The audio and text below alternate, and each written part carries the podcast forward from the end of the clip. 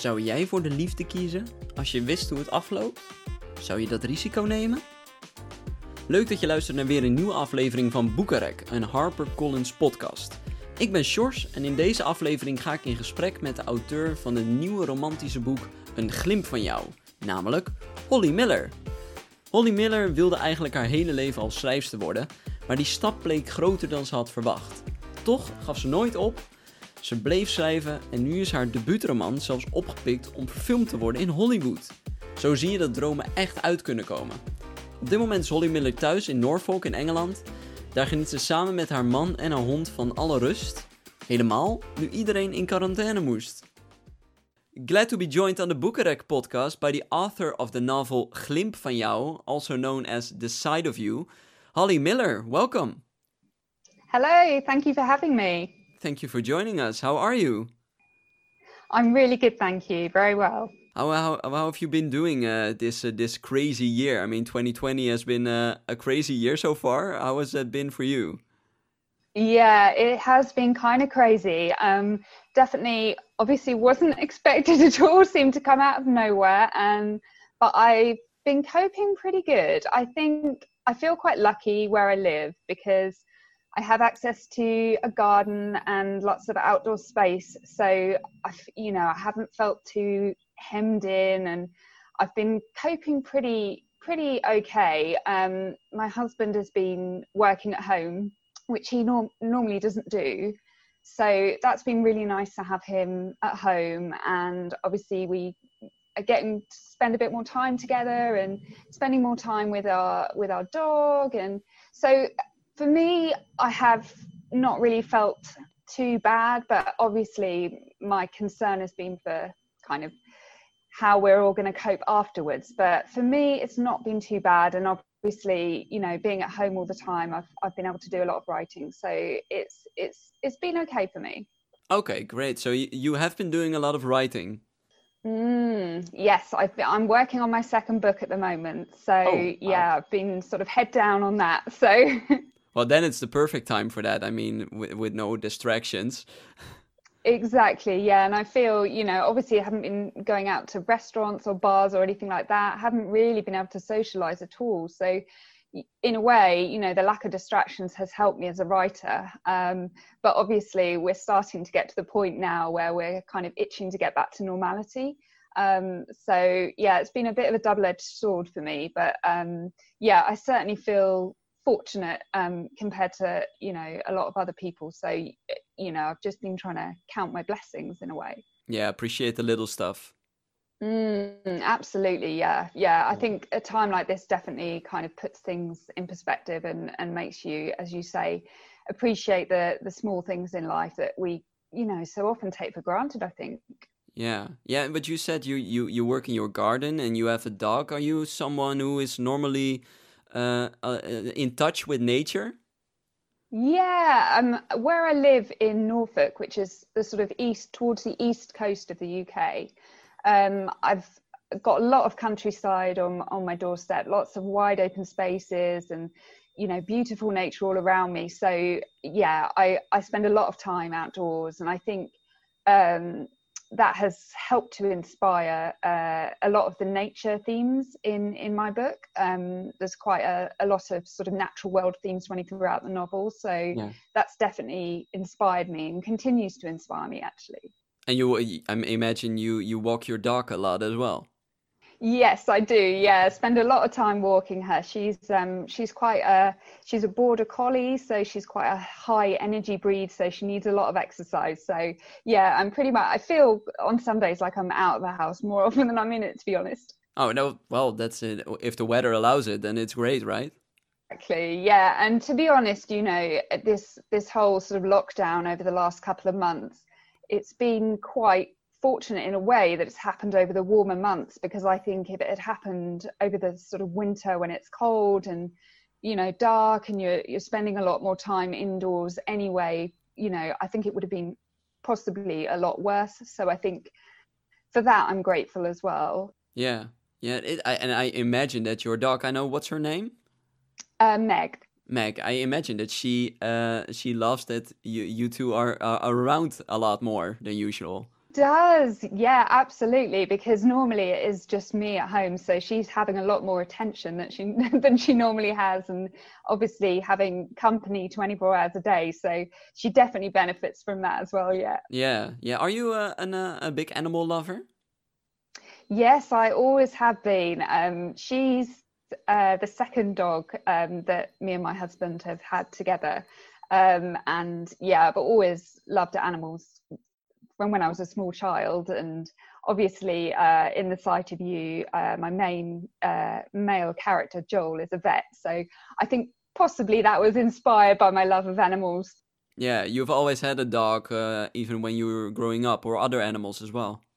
Uh, yes, I had. Uh, well, when I was when I was growing up, I had gerbils. Um, and I always wanted a dog, but my mum was always kind of reluctant um, because obviously they're a huge amount of work. So uh, when I left home, that was when I got uh, my first dog, and then yeah, we've we've got our second dog, uh, Meg, now. Yeah. So yeah, animals have always kind of played a, a big part in my life. Yeah. And we can see that in your book as well.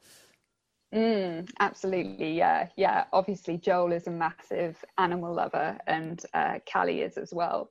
Yeah, yeah, but like like you said, um, you're writing a lot these days. Um, is it? Uh, are you writing more than you did before all this, or are are you always writing a lot at home? I do always write. Um, I always kind of feel like I have a compulsion to write. Um, you know, that just is something that sort of runs through me. But I think definitely since lockdown and since we've all been at home, I think, like you say, there's been so few distractions that um, it's made it a lot easier to to focus. I think I know some people have said it's it's the opposite, especially if they have children. And I, I don't have children so i can understand if you've got children at home and you're trying to work and you're trying to do homeschooling as well that must be really really challenging but for me um, there have actually been less distractions in lockdown. So i found that my productivity in terms of writing has definitely gone up since since all this started. But yeah i know for some people it's been the complete opposite. And i i do feel for people that are trying to juggle lots of different things. But for me everything has felt fairly calm um, since you know all the distractions were kind of taken away if you like yeah and and do, do you have some kind of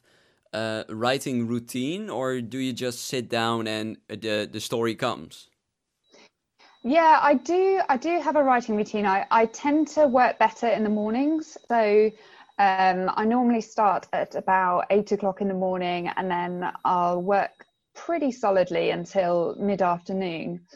Um, and but by sort of mid afternoon, late afternoon, I find my brain has totally stopped working. So definitely, I do my best work sort of first thing in the morning. And I've recently become a lot more disciplined at planning um, what I'm going to write. So before I might have, you know, just wrote what I felt and wrote what was in my head and, you know, sort of improvised in a way as I was writing and kind of let the characters lead me. But I've actually become a lot more disciplined recently with sticking to a sort of rigid chapter plan. And I've found that's really helped me um, because it's meant that I haven't had to plot and plan things as I go along. So I'm free to just concentrate on the writing, which for me is the more enjoyable part of the process. Right. So so I am messing up your schedule right now. no, not at all. Not at all. It's a welcome. It's a welcome break. okay, great. And are you are you reading a lot as well during uh, during this uh, this time? Yes, yes, I am reading a lot. I've been fortunate enough to um, get some proofs of forthcoming books sent to me from publishers. So I've been reading those and I've also been reading sort of recently released books that have, have come out in the UK. So yeah, again, you know, the lack of distraction has has enabled me to um, read where where otherwise I might be going out or you know doing other things. Um, so yeah, from from that point of view, I've definitely found that I've had more time freed up to yeah. to read, and I've also been um, really getting into audiobooks um, while I walk.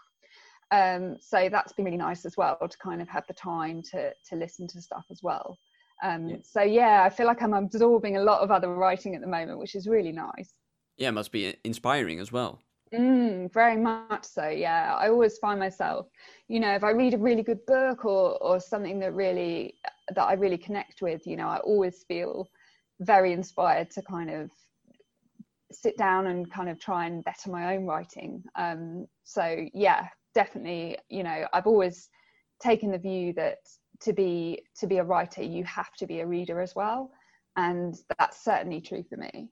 And did you uh, did you read a lot as a child?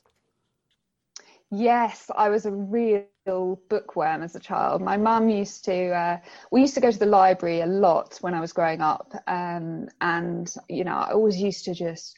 I'm quite a fast reader, so I would get through books at a real rate. And uh, my mum used to, you know, she went out shopping or she went into, into town, she'd always come back and and give me books that she'd picked up. And that was kind of it was her encouragement of my reading really that kind of led me to be such a bookworm. And then i think writing kind of naturally evolved from that because i was such a keen reader um, and i've you know my love of reading has, has never left me it's always run parallel to my writing and what what what kind of books were those that your mother brought back for you oh my gosh um, all sorts obviously all sorts. So I I obviously read at school as part of the curriculum, but then she would she would come back and she would she would pick up anything. Honestly, she um, I remember some of my earliest reads were Daphne du Maurier, um, which looking back, I feel possibly you know they were quite sophisticated for yeah. I was quite young when she was bringing these things back to me but i just devoured them. And ian mcewan she would also come back with that okay. with that kind of thing. And you know I, I suppose she just she would just pick up something that she thought that she thought was looked good and looked interesting and i guess she'd read the read the sort of blurb on the back. But yeah she would always come back with those kind of things and i guess you know i obviously read at school the whole the whole time sort of um, right up until I was 18, you know, um, studying classics and things, um, as I did English literature uh, A level, sort of uh, the, the exam aged 18. Um, yeah. So, yeah, you know, the whole way through my childhood, really, and definitely kind of fed my love of reading from a very early age. But you said that the whole reading inspired you to write. Uh, when when was the first time you started writing?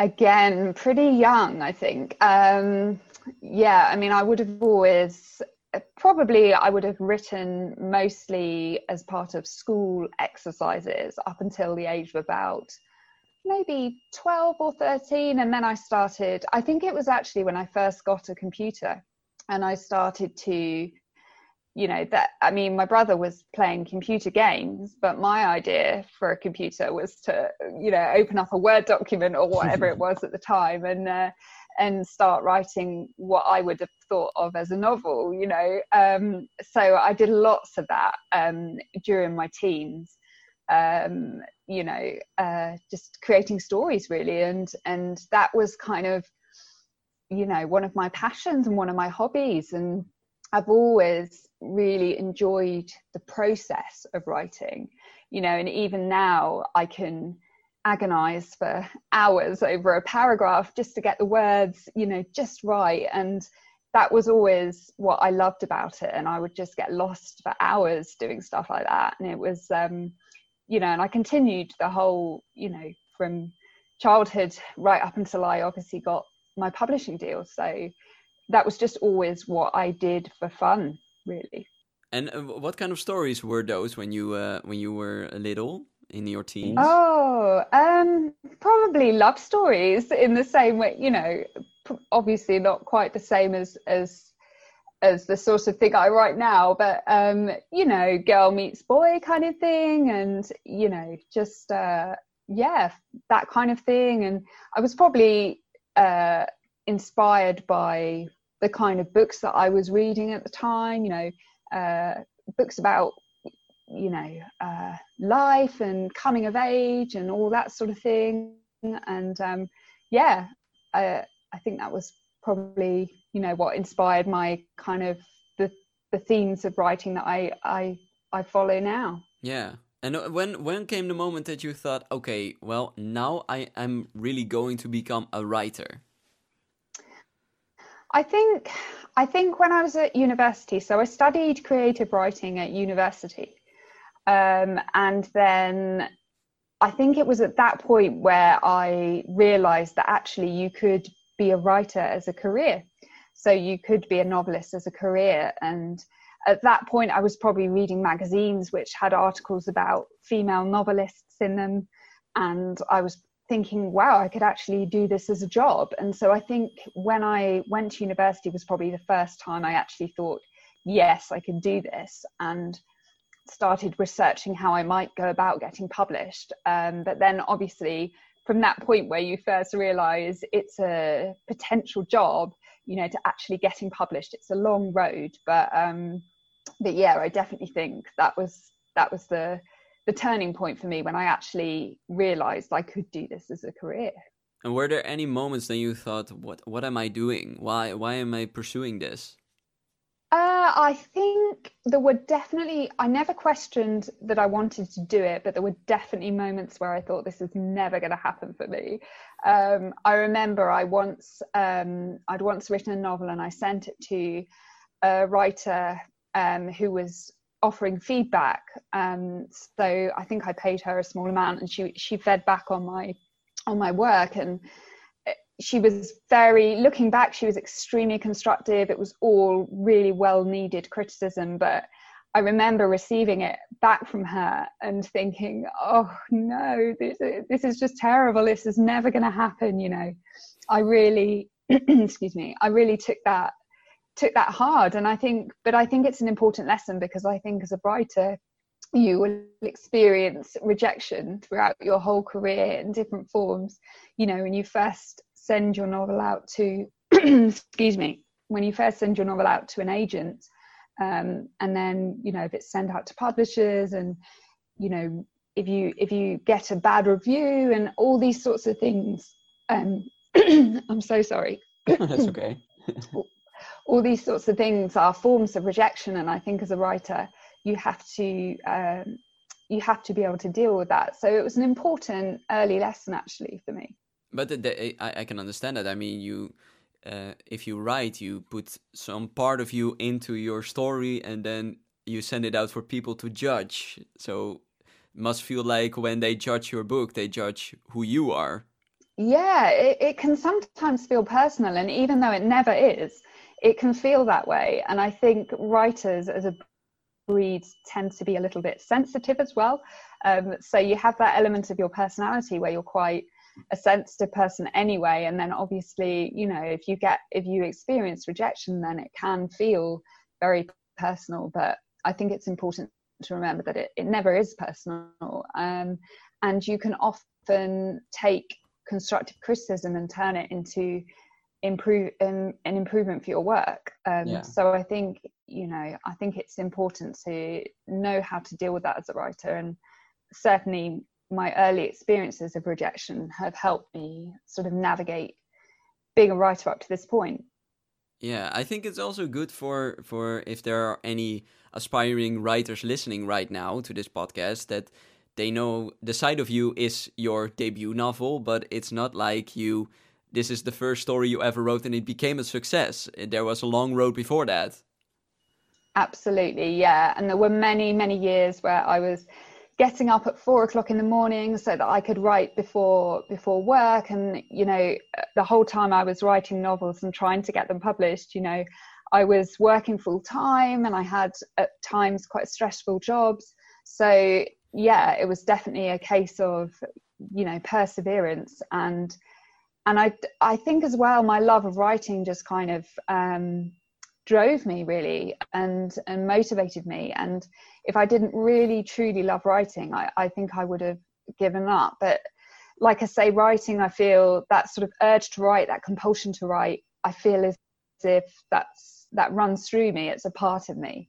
And i think you know it was never an option for me to give up but it was definitely always important that i kind of stayed motivated and kept my eyes on what I wanted to achieve. And you know didn't take any rejection at a personal level and and kept kept working because it is you know it can be a very very long game and success and and publication doesn't happen overnight. It takes many many years. And i think you improve as a writer as well over those years while you're while you're honing your craft and you know uh, reading more and developing your tastes and uh, figuring out your voice. So there's a lot there's a lot that needs to happen before before kind of publication and success and and that kind of thing. So yeah it was definitely i think you know at one point i thought to myself i really want to be a writer and i don't have a plan b.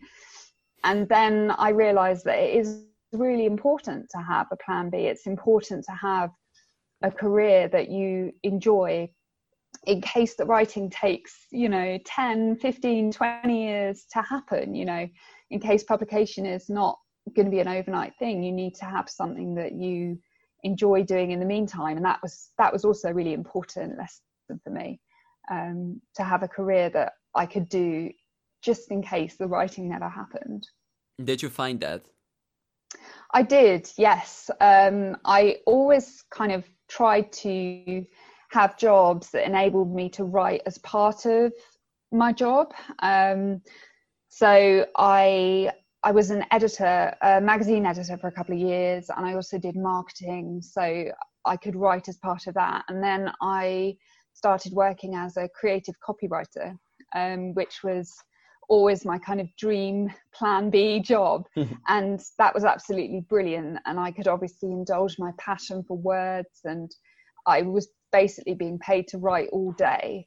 Um, so if the writing hadn't, if the um, novel writing hadn't hadn't happened, that would have definitely been the career that I would have pursued. Um, so yeah, and I did that for for five years before the Sight of You was was published. So it was definitely, you know, and obviously some other writing jobs before that. So it was definitely important for me. You know, five years is is a long time, and you know, it was important for me to have a career that I enjoyed.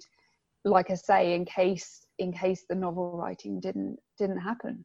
And now you you've you've written uh, this book for for years. You've dreamed of this for years. And now it's it's published. It's it's a huge bestseller.